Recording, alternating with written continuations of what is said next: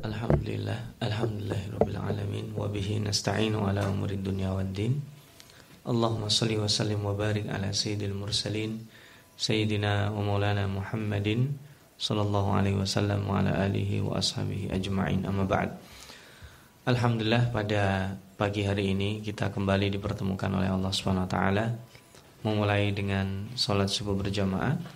Kita berdoa mudah-mudahan kebaikan yang Allah mudahkan merupakan jalan bagi kebaikan-kebaikan selanjutnya dan Allah jaga keistiqomahan kita sampai ajal kita datang dijemput oleh malaikatnya.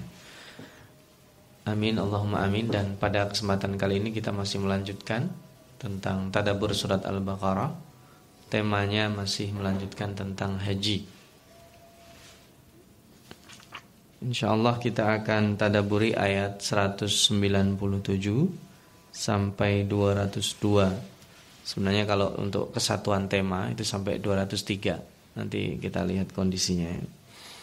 Ayat 197 ini kelanjutan dari ayat 196 yang kita bahas kemarin ketika ada konsekuensi seseorang ketika menggunakan ikhram hajinya tamattu maka dia eh, kalau tidak bisa memotong hewan sembelihan maka dia berpuasa tiga hari di sana di haji itu maksudnya di musim haji dan tujuh hari ketika dia sudah kembali ke tempatnya masing-masing.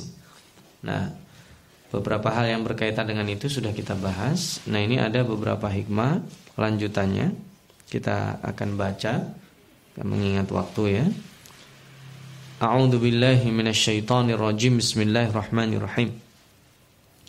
الحج أشهر معلومات فمن فرض فيهن الحج فلا رفث ولا فسوق ولا جدال في الحج وما تفعل من خير يعلمه الله وتزودوا فإن خير الزاد التقوى واتقون يا أولي الألباب Al-Hajju Ashurun Ma'lumat di sini bahwa haji adalah waktunya sudah ditentukan. Sama dengan ayyam ma'dudat. Kalau di bulan Ramadan yang kemarin kita bahas ya, ayyam ma'dudat karena jumlah maksimalnya satu bulan. Sementara bulan haji itu lebih dari satu bulan.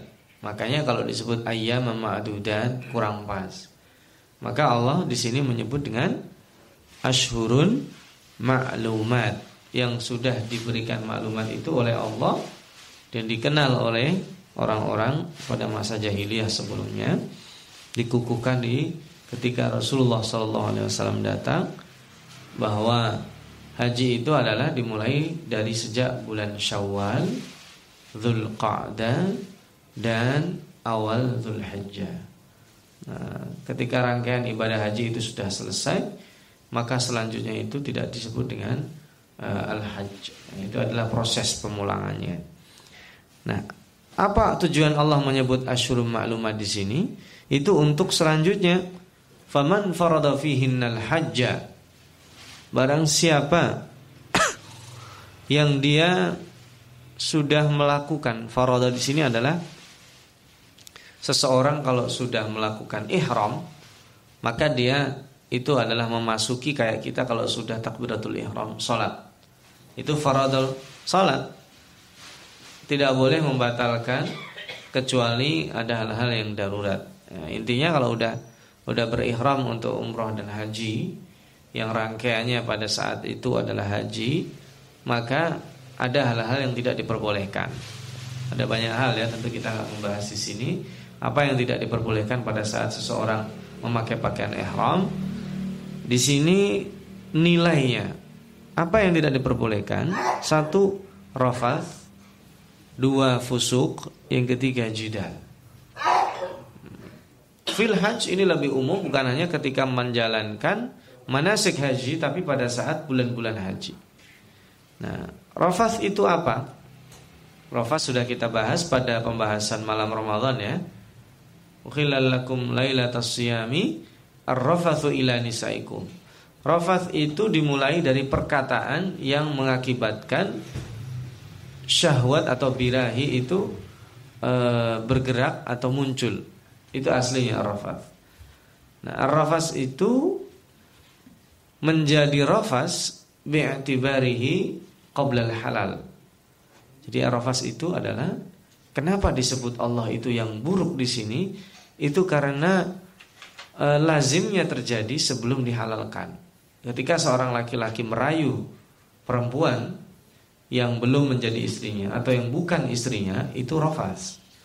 Rayuan yang apalagi menjurus kepada e, rayuan yang seksi, tidak boleh. Nah, di sini rafas kenapa disebut? Ini yang menarik bahwa berarti kan kalau rafas itu diperbolehkan yang yang rafat itu ke siapa? Ke istri kita kan? Pasangan hidup kita. Itu artinya apa?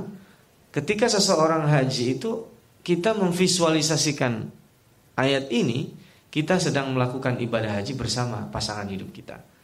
Karena kalau rafat itu dilarikan kepada yang haram, jangankan di bulan haji, di luar bulan haji pun kita nggak boleh. Ya kan? Merayu perempuan nggak boleh kita. Maka di sini rafas yang masuk dalam radar kita itu adalah rafas kepada istri kita, kepada pasangan hidup kita. Nah, itu juga sekaligus ini luar biasanya. Berarti memang perhatian terhadap keluarga itu nomor satu. Sama ketika pada waktu itu uhilalakum lailatas arafathu ila itu juga hak kepada keluarga. Padahal di bulan Ramadan itu ada waktu-waktu khusus yang ketika kita disunahkan beriktikaf. Tapi sebelumnya sudah ada haknya ditunaikan. Maka pada saat iktikaf itu wala tubashiruhunna wa antum akifuna fil masajid. Nah, ini juga demikian. Fala rafatha karena itu juga berarti kita harus menahan diri pada saat sudah melakukan ibadah haji, sudah masuk belum tahallul. Yang kedua wala fusuqa, tidak ada keluar dari ketaatan yang ketiga wala jidala tidak berdebat dan bertengkar mulut, adu mulut. Kelihatannya ringan ya, tapi di bulan haji Al Fakir pernah dulu bertugas sebagai petugas haji. Berdebat dengan jamaah haji hampir setiap hari. Ya bukan dengan semua orang, orang ini berapa ratus juta gitu. Jadi artinya kelihatannya ringan kalau itu dilihat dalam skup yang kecil. Tapi orang yang besar kita datang dari Indonesia penerbangan yang sangat jauh sampai di sana harusnya sudah disediakan catering cateringnya terlambat di situlah ada waktu emosi meledak kemudian sampai di penginapan penginapan yang belum siap di situlah ada waktu meledak. Kemudian ada pokoknya ada aja yang membuat seseorang kesenggol sedikit marah. Atau kemudian istrinya ketarik sama orang marah. Jadi ada banyak hal yang mengakibatkan di situ perlu jidal Nah, trilogi ini itu ruhnya ibadah haji. Bahwa ketika seseorang beribadah haji itu ya beribadah haji rofas yang dihalalkan itu ditinggalkan disuruh meninggalkan. Jadi ketika Arafat wukuf di Arafat meskipun di sampingnya istrinya ya jangan dirayu istrinya. Saatnya kita bermunajat kepada Allah. Ya, Padahal kita sedang beribadah Bersama istri kita. Maka rafas yang halal itu kita tinggalkan.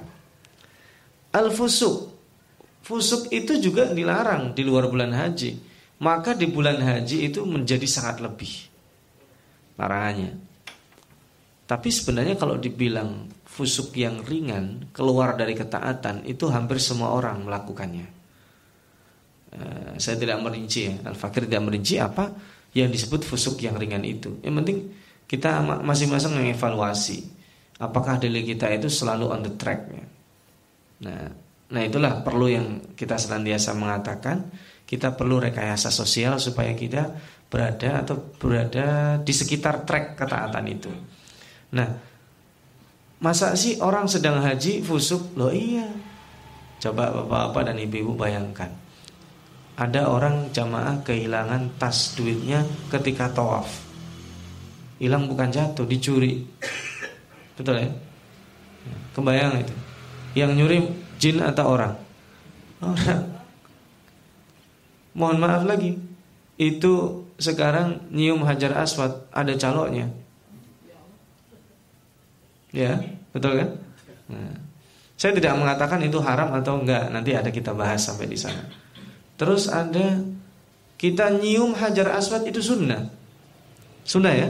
Tapi nyikut-nyikutin saudaranya sunnah nggak itu? Nggak boleh. Demi untuk melakukan yang sunnah kita sikut saudara kita. Eh enggak ini jatah saya sikut berdarah hidungnya akhirnya.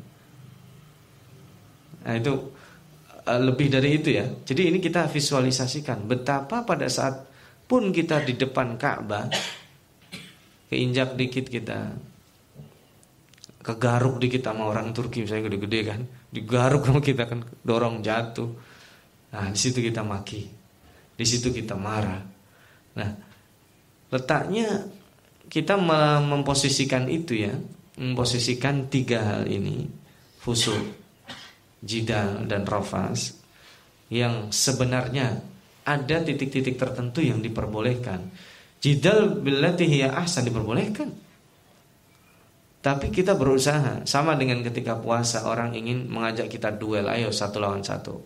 Maka kita disuruh apa? Ini soim, saya sedang puasa. Bentar, tunggu gitu. Meskipun nggak nggak gitu juga filosofinya itu. Ini soim saya sedang menahan diri, bukan masalah gengsi ini enggak, tapi ini sedang beribadah kepada Allah.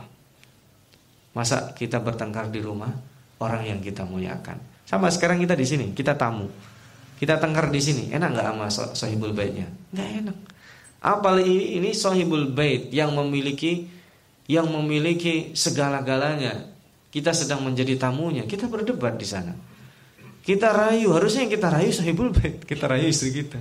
Lebih parah lagi yang dirayu sudah bukan istri, ya itu lebih parah lagi. Maka ada tingkatan-tingkatan di situ. Tiga hal ini ada nilainya. Maka kata Allah, karena Allah mendidik kita untuk tidak mengenal yang negatif, wa ma taf'alu min khairi ya'lamhu Allah. Loh, kok gini?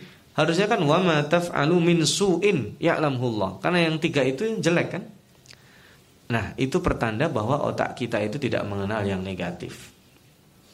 Dan Hari Al-Fakir pernah contohkan, visualisasikan Bapak-bapak ibu-ibu di sini kalau Al-Fakir minta untuk menjamin mata, kemudian Al-Fakir bilang, Tolong jangan sekali-kali membayangkan onta yang ketawa. Ontanya keluar nggak itu? Malah keluar. Karena jangan bayangin onta, ontanya malah keluar. Jadi kalau mau seseorang nggak bayangin onta ya, tolong sekarang bayangkan gajah, ontanya nyingkir. Maka di sini wa ma taf'alu khairin. Apa yang kalian lakukan dengan kebaikan itu otomatis rofas pergi, jidal pergi, fusuk pergi, Ya, kalau kita wa ma taf'alu min su'in ya'lamullah, su'nya kebayang kita. Buruk-buruknya kebayang. Jadi untuk menafikan hal-hal negatif kita cari alternatifnya. Ini luar biasa susunan katanya dan kita lihat setelahnya wa tazawwadu dan berbekallah. Kita bekal dan sebaik-baik bekal di sini disebut adalah takwa. Karena di sini adalah salah satu e, ceritanya. Jadi di antara orang itu naik haji, mohon maaf, ada di perjalanan menuju haji itu dia minta-minta untuk bekalnya. Nah, gimana hukumnya? Nah, kita nggak bahas itulah pokoknya. Tapi kata Allah, bekal yang baik itu takwa. Apa hubungannya dengan bekal materi itu? Nah, itu nanti dibahas bahwa berbisnis dan memiliki usaha ketika haji diperbolehkan. Nanti ada mudah-mudahan sampai ayatnya.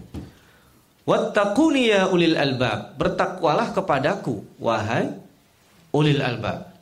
Nah, tempo hari kita membahas takwa itu apa, mutakin itu siapa, kisos itu juga ada takwa, dalam pelaksanaan wasiat ada takwa, berpuasa ada takwa, maka haji juga takwa. Haji itu ibadah fisik. Ketaatan kita kepada Allah diuji. Kok saya disuruh muter tujuh kali ya Allah? muternya ke kiri lagi. Itu berlawanan ini ya, berlawanan dengan arah muternya jam ya. Ya? Kok nggak kayak muternya jam? Kok tujuh tujuh kali? Saya kurang ya Allah, saya sanggup sepuluh kali misalnya. Ya kita disuruh gitu gitu aja. Suruh nyium hajar aswad meskipun sunnah tapi itu kan juga disunnahkan ya. Kenapa yang dicium hajar aswad? Tidak semua pojoknya, satu aja susah. Misalnya. Kenapa kemudian kita suruh melempar ada jamarat dari Aqaba, Ula Wusta dan yang yang tiga jamarat itu dilempar Kenapa harus ada itu? Kenapa harus ada mabit di Musdalifah? Kenapa ada kita uh, melakukan nafar awal atau nafar thani? Kenapa ada tahallul? Kenapa ada sofa dan marwah kita bersa'i di situ? Itu ketaatan. Maka ibadah haji itu meskipun uh, kelihatannya berat, tapi sebenarnya ringan. Seandainya ada seseorang naik ibadah haji, dia tidak tahu karena mualaf ya, udah nggak baca apa-apa, itu sah hajinya asal dilakukan itu. Baca ihram dia niat bahasa Indonesia nggak apa-apa. Dia muter Ka'bah berdoa bahasa Indonesia juga nggak apa-apa. Kemudian dia sholat ngikutin karena memang baru mualaf. Kemudian dia wukuf, dia juga nggak bisa apa-apa di situ berdoa aja seharian mengingat Allah berzikir saja. Terus sampai kemudian tahalul dia nggak membaca apa-apa sah hajinya. Karena ini adalah ibadah fisik.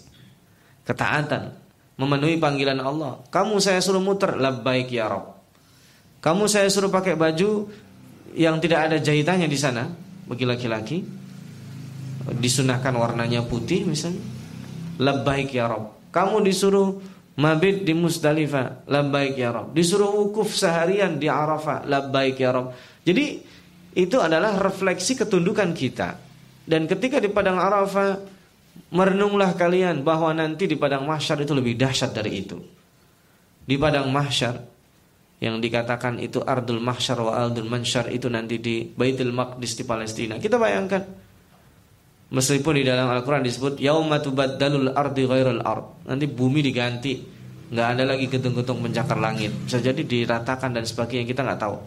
Tapi itu nanti semua manusia dari Nabi Adam sampai akhir zaman dikumpulkan jadi satu di situ.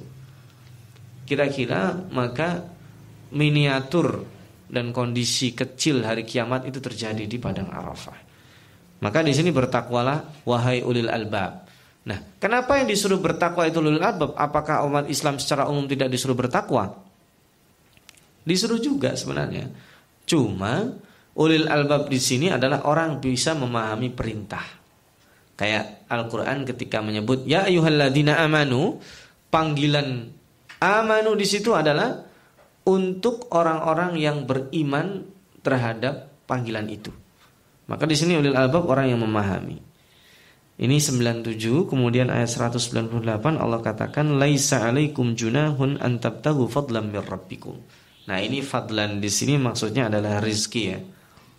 Al-Fakir jadi ingat dulu ketika haji para mahasiswa yang bertugas eh, atau sedang haji itu biasanya ada sambilannya jualan apa eh, diperbolehkan atau sebaliknya kita di sana itu ambil barang.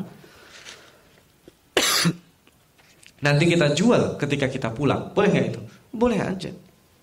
Haji sambil dagang sejadah. Boleh nggak? Boleh.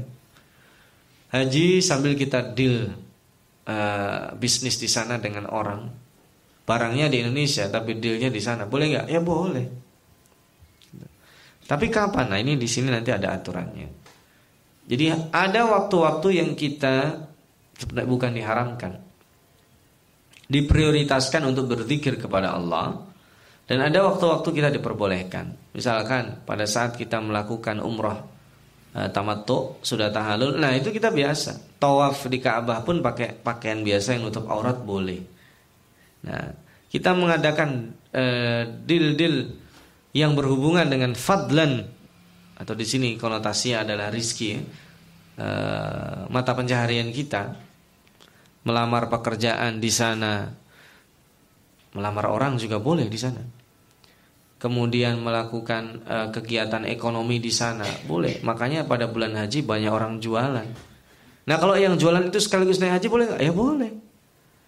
Daripada minta-minta kalian karena hubungannya dengan tadi ya. Tazawwadu fa inna khairazadi taqwa. Mendingan kalian tahan sampai di sana itu pasti di sana banyak orang memerlukan apa aja. Makanya di sana ada orang yang dari Indonesia bisnis pulsa. Boleh nggak? Boleh. Nah itu paling menguntungkan sebenarnya. Saya fakir dulu tertarik, tapi karena nggak punya modal nggak jadi. Ada yang bisnis apalagi dari Mesir lebih parah lagi. Dia ada obat-obatan herbal macam-macam. Nah, sampai ada obat kuat itu, sampai ada yang saking terkenalnya jamaah haji nanyain. Ya, kita nggak jualan juga. Nah, mau dilarang karena dalam peraturan itu petugas haji nggak boleh jualan. Ya, Al-Quran aja nggak melarang. Yang penting tugasnya dilaksanakan. Sebenarnya itu. Kalau melalaikan tugasnya, apalagi sampai melalaikan ibadah haji, itu berarti kita kayak sahibul bait di sini. Kita bertamu ke sahibul bait, nawarin dagangan boleh nggak? Eh, boleh. Tapi yang kita tawarin tentu bukan Allah. Sesama tamu ya kita minta izin sama sahibul bait. Eh, mohon maaf nih saya ada barang nih, boleh nggak saya tawarin sama? Ya boleh aja. Malah bahkan barangkali sahibul baitnya tertarik dengan barang yang kita tawarkan. Nah, kira-kira ya meskipun tidak pas, walillahil mathalul a'la, tapi uh, bisa kita jadikan uh, permisalan. Fa idza min Arafat, ketika kita sudah keluar dari Arafat dalam perjalanan Wadhkurullaha indal masy'aril haram. Kita disuruh berzikir di masy'aril haram. Masy'aril haram itu Muzdalifah ya. Ini akhir dari Muzdalifah. Itu sebuah bukit dinamakan Kuza. Tapi biasanya jamaah Indonesia itu kalau mabit di Muzdalifah itu seringnya saya Al Fakir perhatikan itu mabitnya di atas bis. Iya, benar ya. Iya. Jadi dari Arafat kita di Muzdalifah kok lama, macet apa ya? Bukan macet, itu mabit. Mabit kok di atas bis, mestinya nggak, mestinya nggak nggak afdol ya. Mabit itu ya turun, tidur 5-10 menit, nanti sholat dua rakaat, setelah itu melanjutkan perjalanan. Seringnya jamaah nggak dikasih tahu, sebagian ya, saya nggak semua, tergantung travelnya, tergantung pembimbingnya. Bapak dan ibu sekarang ini judulnya mabit, silahkan bagi yang mau tidur, silahkan mau turun, silahkan. Terusnya gitu, biasanya nggak apa dilarang keluar uh, bis. Takut hilang kan ya. Nah, terus judulnya apa ini macet pak? Udah pokoknya duduk aja gitu. Padahal itu mabit namanya. Seringnya ya kalau Al-Fakir perhatikan nggak tahu ya kalau sekarang. Kalau nggak berubah kayaknya seperti itu Pak. Ya. Masih, masih seperti itu. Ya, masih seperti itu. Karena memang wajar ya. Apalagi aki-aki sama nenek-nenek udah tua mau turun ya nggak balik bisnya sama. Jangankan itu di bandara dia masuk ke kamar mandi keluar masuk kloter yang lainnya. Kloter yang lainnya ini sudah siap-siap berangkat, bingung dia. Lah, baru datang kok mau berangkat lagi. Salah ternyata dia. Kloternya salah. Masuknya lewat kanan, keluarnya di kiri. Ini kloter Jakarta, keluarnya kloter Sulawesi. Nah, kok bahasanya lain lagi? Nah, karena beda kloter. Nah, itu dia. Nah, nanti ada panduannya. Wadkuruhu kama hadakum. Kita berzikir ada panduannya di situ. Meskipun tadi ya, seandainya kita nggak bisa zikir, kama allamakum kama hadakum in kuntum min qablihi laminadh dhalim. Thumma afidhu min haitsu afadha an-nat wastaghfirullah innallaha ghafurur rahim. Ini bacaan-bacaan, panduan zikir dan memperbanyak istighfar. Pada saat ibadah haji kita sucikan. Kita sejenak kita tinggalkan meskipun diperbolehkan kita berbisnis itu. Sebaiknya tinggalkan dulu pada saat kita wukuf, pada saat kita mabit di Musdalifah, pada saat kita berada tawaf ifadah di depan Ka'bah, kita tinggalkan dulu. Nunggu tahalul selesai. Kita baru lanjutkan dulu itu. Kita berzikir sebanyak-banyaknya dan disunahkan beristighfar. Karena istighfar itu min lawazim. Orang selesai sholat yang dibaca pertama kali istighfar. Loh, bukannya istighfar itu dilakukan setelah melakukan e, keburukan? Iya. Tetapi setelah melakukan kebaikan pun atau sedang melakukan kebaikan kita juga beristighfar. Mendapatkan kemenangan juga beristighfar. Fasabbih bismi rabbik wastaghfir. Ya kan? Ketika seseorang mendapatkan kemenangan, idza jaa nasrullahi wal fath wa ra'aitan nasa yadkhuluna fi dinillahi afwaja fasabbih disuruh kita bertasbih dan disuruh kita wastaghfir innahu kana tawwaba jadi istighfar itu melakukan kebaikan pun kita beristighfar oh saya ikhlas kok iya nggak ada hubungannya sama ikhlas gak ikhlas istighfar itu tetap penting ya Allah istighfar itu artinya gini tutuplah aibku ya Allah aku dianggap orang baik bukan karena kebaikanku tapi karena aib-aibku engkau tutup ya Allah. Istighfar. Kalau kau buka saja kebaik uh, aibku satu saja, maka orang-orang akan berlari. Bukan maksudnya bukan berarti saya malu aibnya dibuka, bukan. Tetapi ada banyak hal terhalang kalau aib-aib kita dibuka di sini. Kebaikan yang kita inginkan itu bisa terhalangi karena aib itu. Yang menutup aib siapa? Allah. Dan Allah yang menutup aib itu tawab. Innahu kana tawab menerima taubat. Kalau aib itu berhubungan dengan dosa dengan Allah, kita bertaubat innahu kana tawwaba. Nah, fa idza qadaitum, nah ini sudah selesai ibadah haji. Wa idza qadaitum manasikakum fadhkurullaha ka dzikrikum aba'akum au ashadda. Ini lebih menarik lagi. Ketika kalian sudah selesai melakukan ibadah haji, manasiknya, fadhkurullaha berzikirlah kepada Allah. Lah, karena udah selesai saya melakukan ini, tetap disuruh berzikir. Karena esensi haji itu adalah esensi hari kiamat. Lihat surat Al-Hajj. Ayat pertamanya langsung bahas haji bukan? Tidak. Ayat 1, 2, 3, 4, 5 sampai 25 ayat yang dibahas adalah hari kiamat dan hal-hal yang berhubungan dengan itu. Menandakan bahwa orientasi haji itu seseorang ingat di hari kiamat dia akan dikumpulkan. Di sana pakaiannya sama, yang jenderal sama kopral sama, yang camat sama penjual tomat sama, pejabat sama rakyat sama, nggak ada sama, nggak ada bedanya. Meskipun kualitas kain ukromnya boleh jadi beda-beda ya, tapi kalau dilihat sekilas orang nggak tahu itu ikhramnya si A dengan si B mana yang harganya lebih mahal. Ini mana yang ikhram yang dikasih, mana ikhram yang beli sendiri, mana ikhram yang dibeli nggak bisa bedanya. Nggak ada bedanya itu. Sama kan? Orang haji ini hajinya dibayarin atau haji sendiri atau haji ada tanggungan ini nggak ada bedanya sama. Ketika sudah di sana semuanya berpikir bahwa hari kiamat itu seperti ini. Nah ini sekarang kalau udah selesai kita disuruh mempertahankan itu sama dengan bulan Ramadan. Bulan-bulan Ramadan selesai itu kita tidak disuruh balas dendam. Ya ntar tunggu bulan Syawal.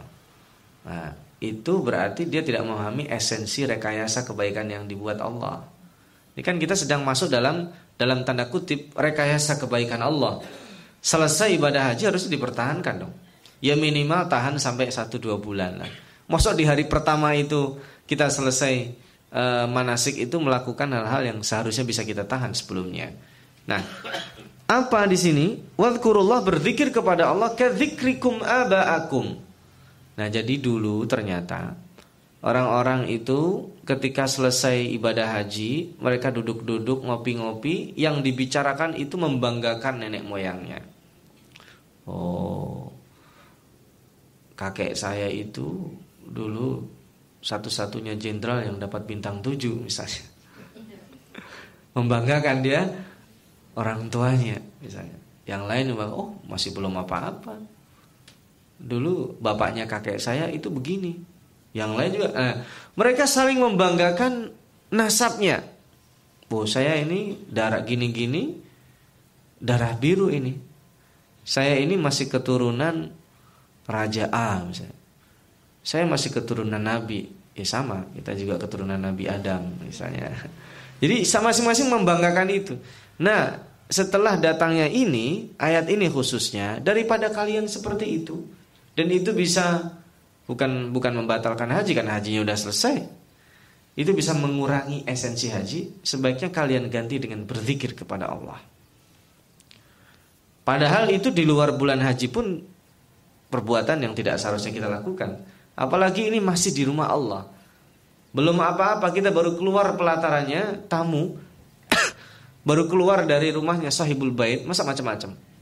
Ya kan? Etikanya kan ntar dulu, tahan dulu sampai sahibul bait nutup pintu nggak ngelihat kita, nah, terserah dah itu ngapain. Kira-kira seperti itu. Ini masih di situ. Masih di pelataran rumah Allah Subhanahu wa taala kita melakukan hal-hal yang tidak bagus. Kadzikrikum aba'akum au asyadda. Ini sebenarnya di dalam ilmu bahasa ini au di situ biasanya mumatsalah, tapi di sini terjadi peningkatan. Gimana maksudnya? Di dalam Al-Qur'an ada disebut wahia kal hijarati au asyaddu qaswa. Hatinya orang kafir itu keras sekeras batu atau lebih keras dari batu. Nah, kalau ditanya-tanya, emang ada benda yang lebih keras dari batu? Ada? Ya, ah? Besi. Oh, siapa bilang besi dipantekin sama batu, penyok dia besi itu. Ya kan? Jadi itu disebut Itu kerikil kalau batu kecil ya. Jadi koswa atau kekerasan hatinya orang-orang yang kafir itu seperti batu. Au asyadda koswa. Ini nggak bisa kita bayangkan, ya kan? Nggak bisa kita bayangkan. Tetapi berarti sebenarnya harusnya kita nggak melakukan itu.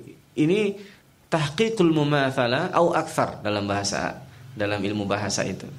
Bukan disamakan melebihi. Ya, maka ketika kadzikrikum abaakum au asyadda dzikra. Harusnya Allah melebihi itu karena Allah harusnya lebih dibanggakan dari orang tua kita. Allah itu seringnya Al-Fakir katakan memberikan yang tidak kita minta. Tadi malam kan kita nggak memerinci doa. Kalau kita rinci doanya nggak jadi tidur itu kita.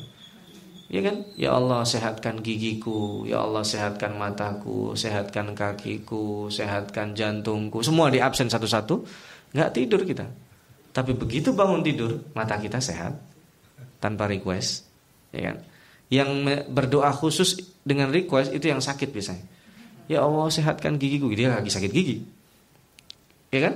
Ya lagi sakit mata, lagi kesleo, lagi macam-macam. Itu biasanya doa request. Tapi yang sehat-sehat saja Jangankan berdoa request, kadang pun saking ngantuknya lupa berdoa. Begitu dia bangun itu sebenarnya bonus orang nggak minta. Seandainya Allah cabut nyawanya, eh nggak minta, ya kan? Minimal ya Allah hidupkan kembali aku, berikan kesempatan untuk menambah kebaikanku dan menutup keburukanku. Makanya di situ Bismika Allahumma ahya, wa Bismika amut. Hidup dan mati kita itu di tangan Allah. Kalau kita dihidupan lagi, itu artinya kita diberikan kesempatan. Maka di sini luar biasa kadzikrikum abaakum aw asyadda dzikra Allah harusnya lebih kita ingat. Faminan nasi man yaqulna. Di sini masuk. Di antara kita itu ada yang doanya Rabbana atina fid dunya. Ya Allah berikanlah di dunia. Saya pengen sekarang. Itu kebanyakan manusia itu nggak sabar. Coba kita cek sama anak-anak TK. Siapa yang mau es krim sekarang dikasih satu, yang mau es krim tiga jam lagi dikasih dua. Itu kira-kira banyak mana yang milih? Yang sekarang atau tiga jam lagi? Sekarang. Oh saya nanti. Tapi ngelihat temannya makan enak sekali. Apa guru saya sekarang saja gitu. Karena rata-rata seseorang untuk menahan nanti itu sulit. Kita sholat sekarang. Pahalanya kapan? Ya nanti. Iya kalau saya nanti di akhirat ada. Berarti kita meragukan hari akhirat itu. Rata-rata seseorang tidak sabar. Mau berbisnis dia ingin untung sekarang. Mau bertamu seseorang dipencet buka ya tuan rumah kan baru bangun tidur misalnya. E, mau berdoa ya Allah kabulkan. Kapan? Sekarang juga ya Allah. Susah juga. Jadi ada banyak hal yang menyebabkan seseorang itu terburu-buru dalam banyak hal. Maka ketika dia doa, Rabbana atina fid dunya dan tidak disebut hasanah di sini karena yang diminta manusia di dunia biasanya materialistik berhubungan dengan materi. Ya Allah, saya lagi nyalek ya Allah. Ya, doanya sekarang diperat caleg kenceng sekali itu. Sudah keluar modal banyak sekali ya Allah misalnya. Dia minta ingin cepat.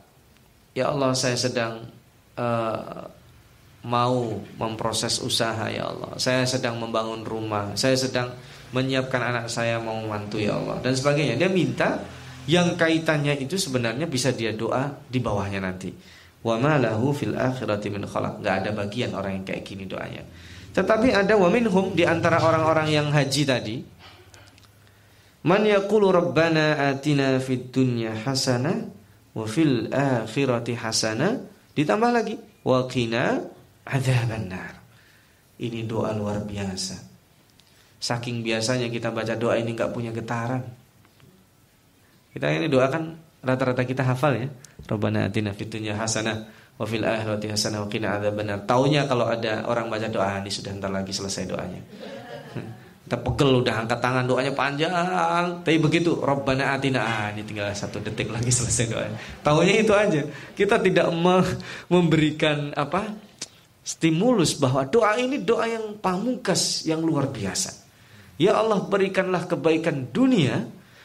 Coba kita lihat kenapa Allah di, di sini tidak dikatakan Rabbana atina fid dunya wa fil akhirati hasanah. Coba kita bayangkan. Karena hasanah di sini disebut dua kali. Ya kan? an-nakirah idza dzukirat marrataini fasaniyatu laisatil ula. Jadi fi nakirah itu kalau disebut dua kali itu tidak sama dengan yang pertama. Hasanah yang di dunia lain dengan hasanah yang di akhirat. Kalau disebut sekali oh contohnya inna ma'al usri yusran ya kan? Fa inna ma'al usri yusran, inna ma'al usri yusran lagi. Al usrnya itu itu juga kesulitan yang kita hadapi sama. Tapi kalau kita sabar mendapatkan yusran minimal dua. Gitu. Karena kaidahnya gitu. Kalau diulang dua kali nakira itu, yang pertama bukan yang kedua. Sama di sini. Masya Allah, kalau buka tafsir, itu kalau kita ditantang suruh menafsiri hasanah, bisa ratusan itu. Yang nama hasanah itu apa? Rumah mewah. Di dunia, namanya hasanah, istri cantik. Namanya hasanah, itu melebihi mobil-mobil pejabat kita punya banyak. Namanya hasanah memiliki uh, sekian harta. Namanya hasanah punya anak banyak. Namanya hasanah mudah berteman. Yang dinamakan hasanah silahkan saja divisualisasikan.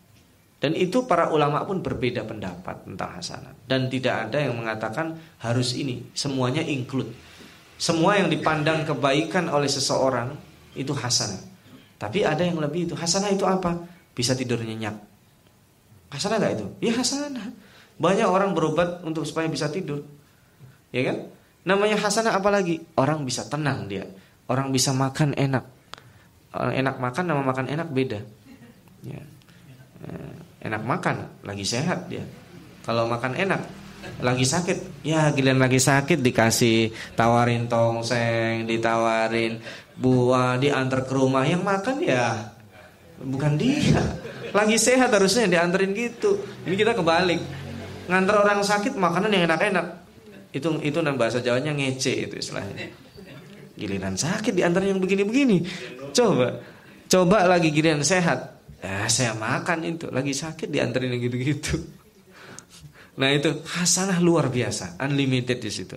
Apalagi hasanatan sama dengan Lailatul Qadri khairun lebih baik unlimited Allah yang tahu. Kebaikan dunia Allah yang tahu. Kebaikan dunia itu dari minyak. Kebaikan dunia itu dari kelapa sawit. Kebaikan dunia itu juga disebut apa aja. Semua semua kebaikan dunia yang dianggap baik itu disebut dengan hasanah. Tapi wafil akhirati hasanah itu juga banyak tafsirannya. Ada orang menafsirkan hasanah di di akhirat itu masuk surga. Nah, memang ada selain masuk surga. Oh banyak. Gini, masuk surga itu nikmat tertinggi itu melihat Allah, berjumpa dengan Allah yang tidak mungkin dilakukan di dunia. Karena Allah itu nurus samawati wal ard. Allah itu sumber cahaya, sumber energi langit dan bumi. Kalau kita pantengin ini 5 menit aja, itu cahaya yang sekarang ada di sini buta mata kita. Atau kalau matahari terbit kita pantengin 2 menit aja buta kita. Apalagi Allah, nurus samawati wal ard, sumber energi dan sumber cahaya langit dan bumi. Ya nggak bisa kita lihat di dunia. Allah seperti apa? Tentu tidak seperti lampu Philip ini. Sumber cahaya. Il alangkah indahnya adalah alangkah bahagianya seseorang bertemu Allah. Ada yang mengatakan kebahagiaan itu itu. Ada yang mengatakan kebahagiaan adalah dia di surga bertemu dengan orang-orang yang dia cintai di dunia. Misal kita seperti ini. Nah ini kan dulu yang ketemu di halakota dabur Al-Quran. Senang dia. Boleh seperti itu? Boleh. Hasanah itu include sesuatu yang baik di akhirat. Semuanya. Dan yang utamanya di closingnya apa? Wakina ada benar. Itu doa minimalisnya. Ya Allah, bagi saya yang penting jangan masuk neraka. Di sana tempatnya cuma dua. Ya kan? Kalau nggak masuk neraka itu artinya apa? Masukin surga. Gitu. Ya, dimasukin surga yang mana aja ya Allah terserah.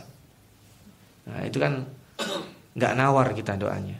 Gak ada golput ya? Iya, nggak ada, nggak ada di situ. Ya kayak mis kayak seperti gini aja.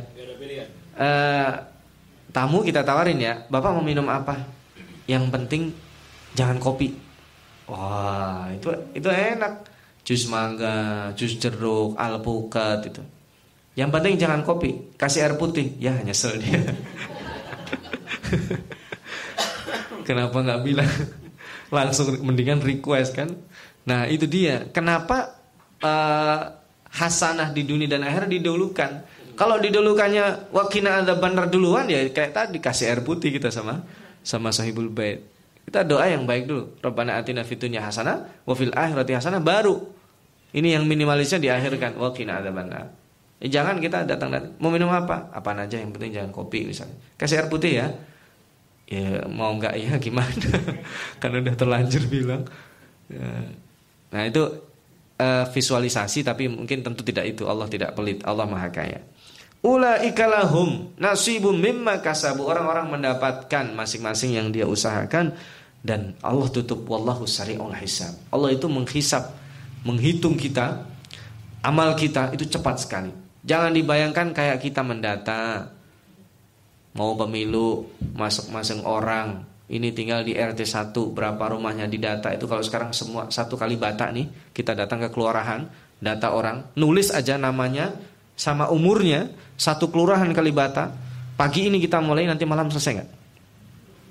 Petugasnya cuma dua. Dan dia harus makan harus ke kamar kecil. Nggak selesai. Tapi wallahu sari'ul hisab. Allah punya pros, punya program yang bisa membuat itu cepat gitu. Ini eh, al-fakir kita, tadabur kita, uh, mohon maaf agak panjang sedikit. Jadi esensi ibadah haji itu arahnya takwa, Esensi ibadah haji itu arahnya adalah kemanfaatan. Esensi ibadah haji adalah arahnya bahwa kita mengingat ada kehidupan setelah mati dan itu berarti kesabaran kita menunda permohonan-permohonan kita, request-request kita sampai Allah kabulkan. Ini mungkin yang bisa Al-Fakir sampaikan. Nanti jika ada dialog bisa kita beberapa menit setelah ini kita eh, sambung. Jazakumullah khairan. Mohon maaf jika ada kata-kata yang kurang berkenan. Wassalamualaikum warahmatullahi wabarakatuh.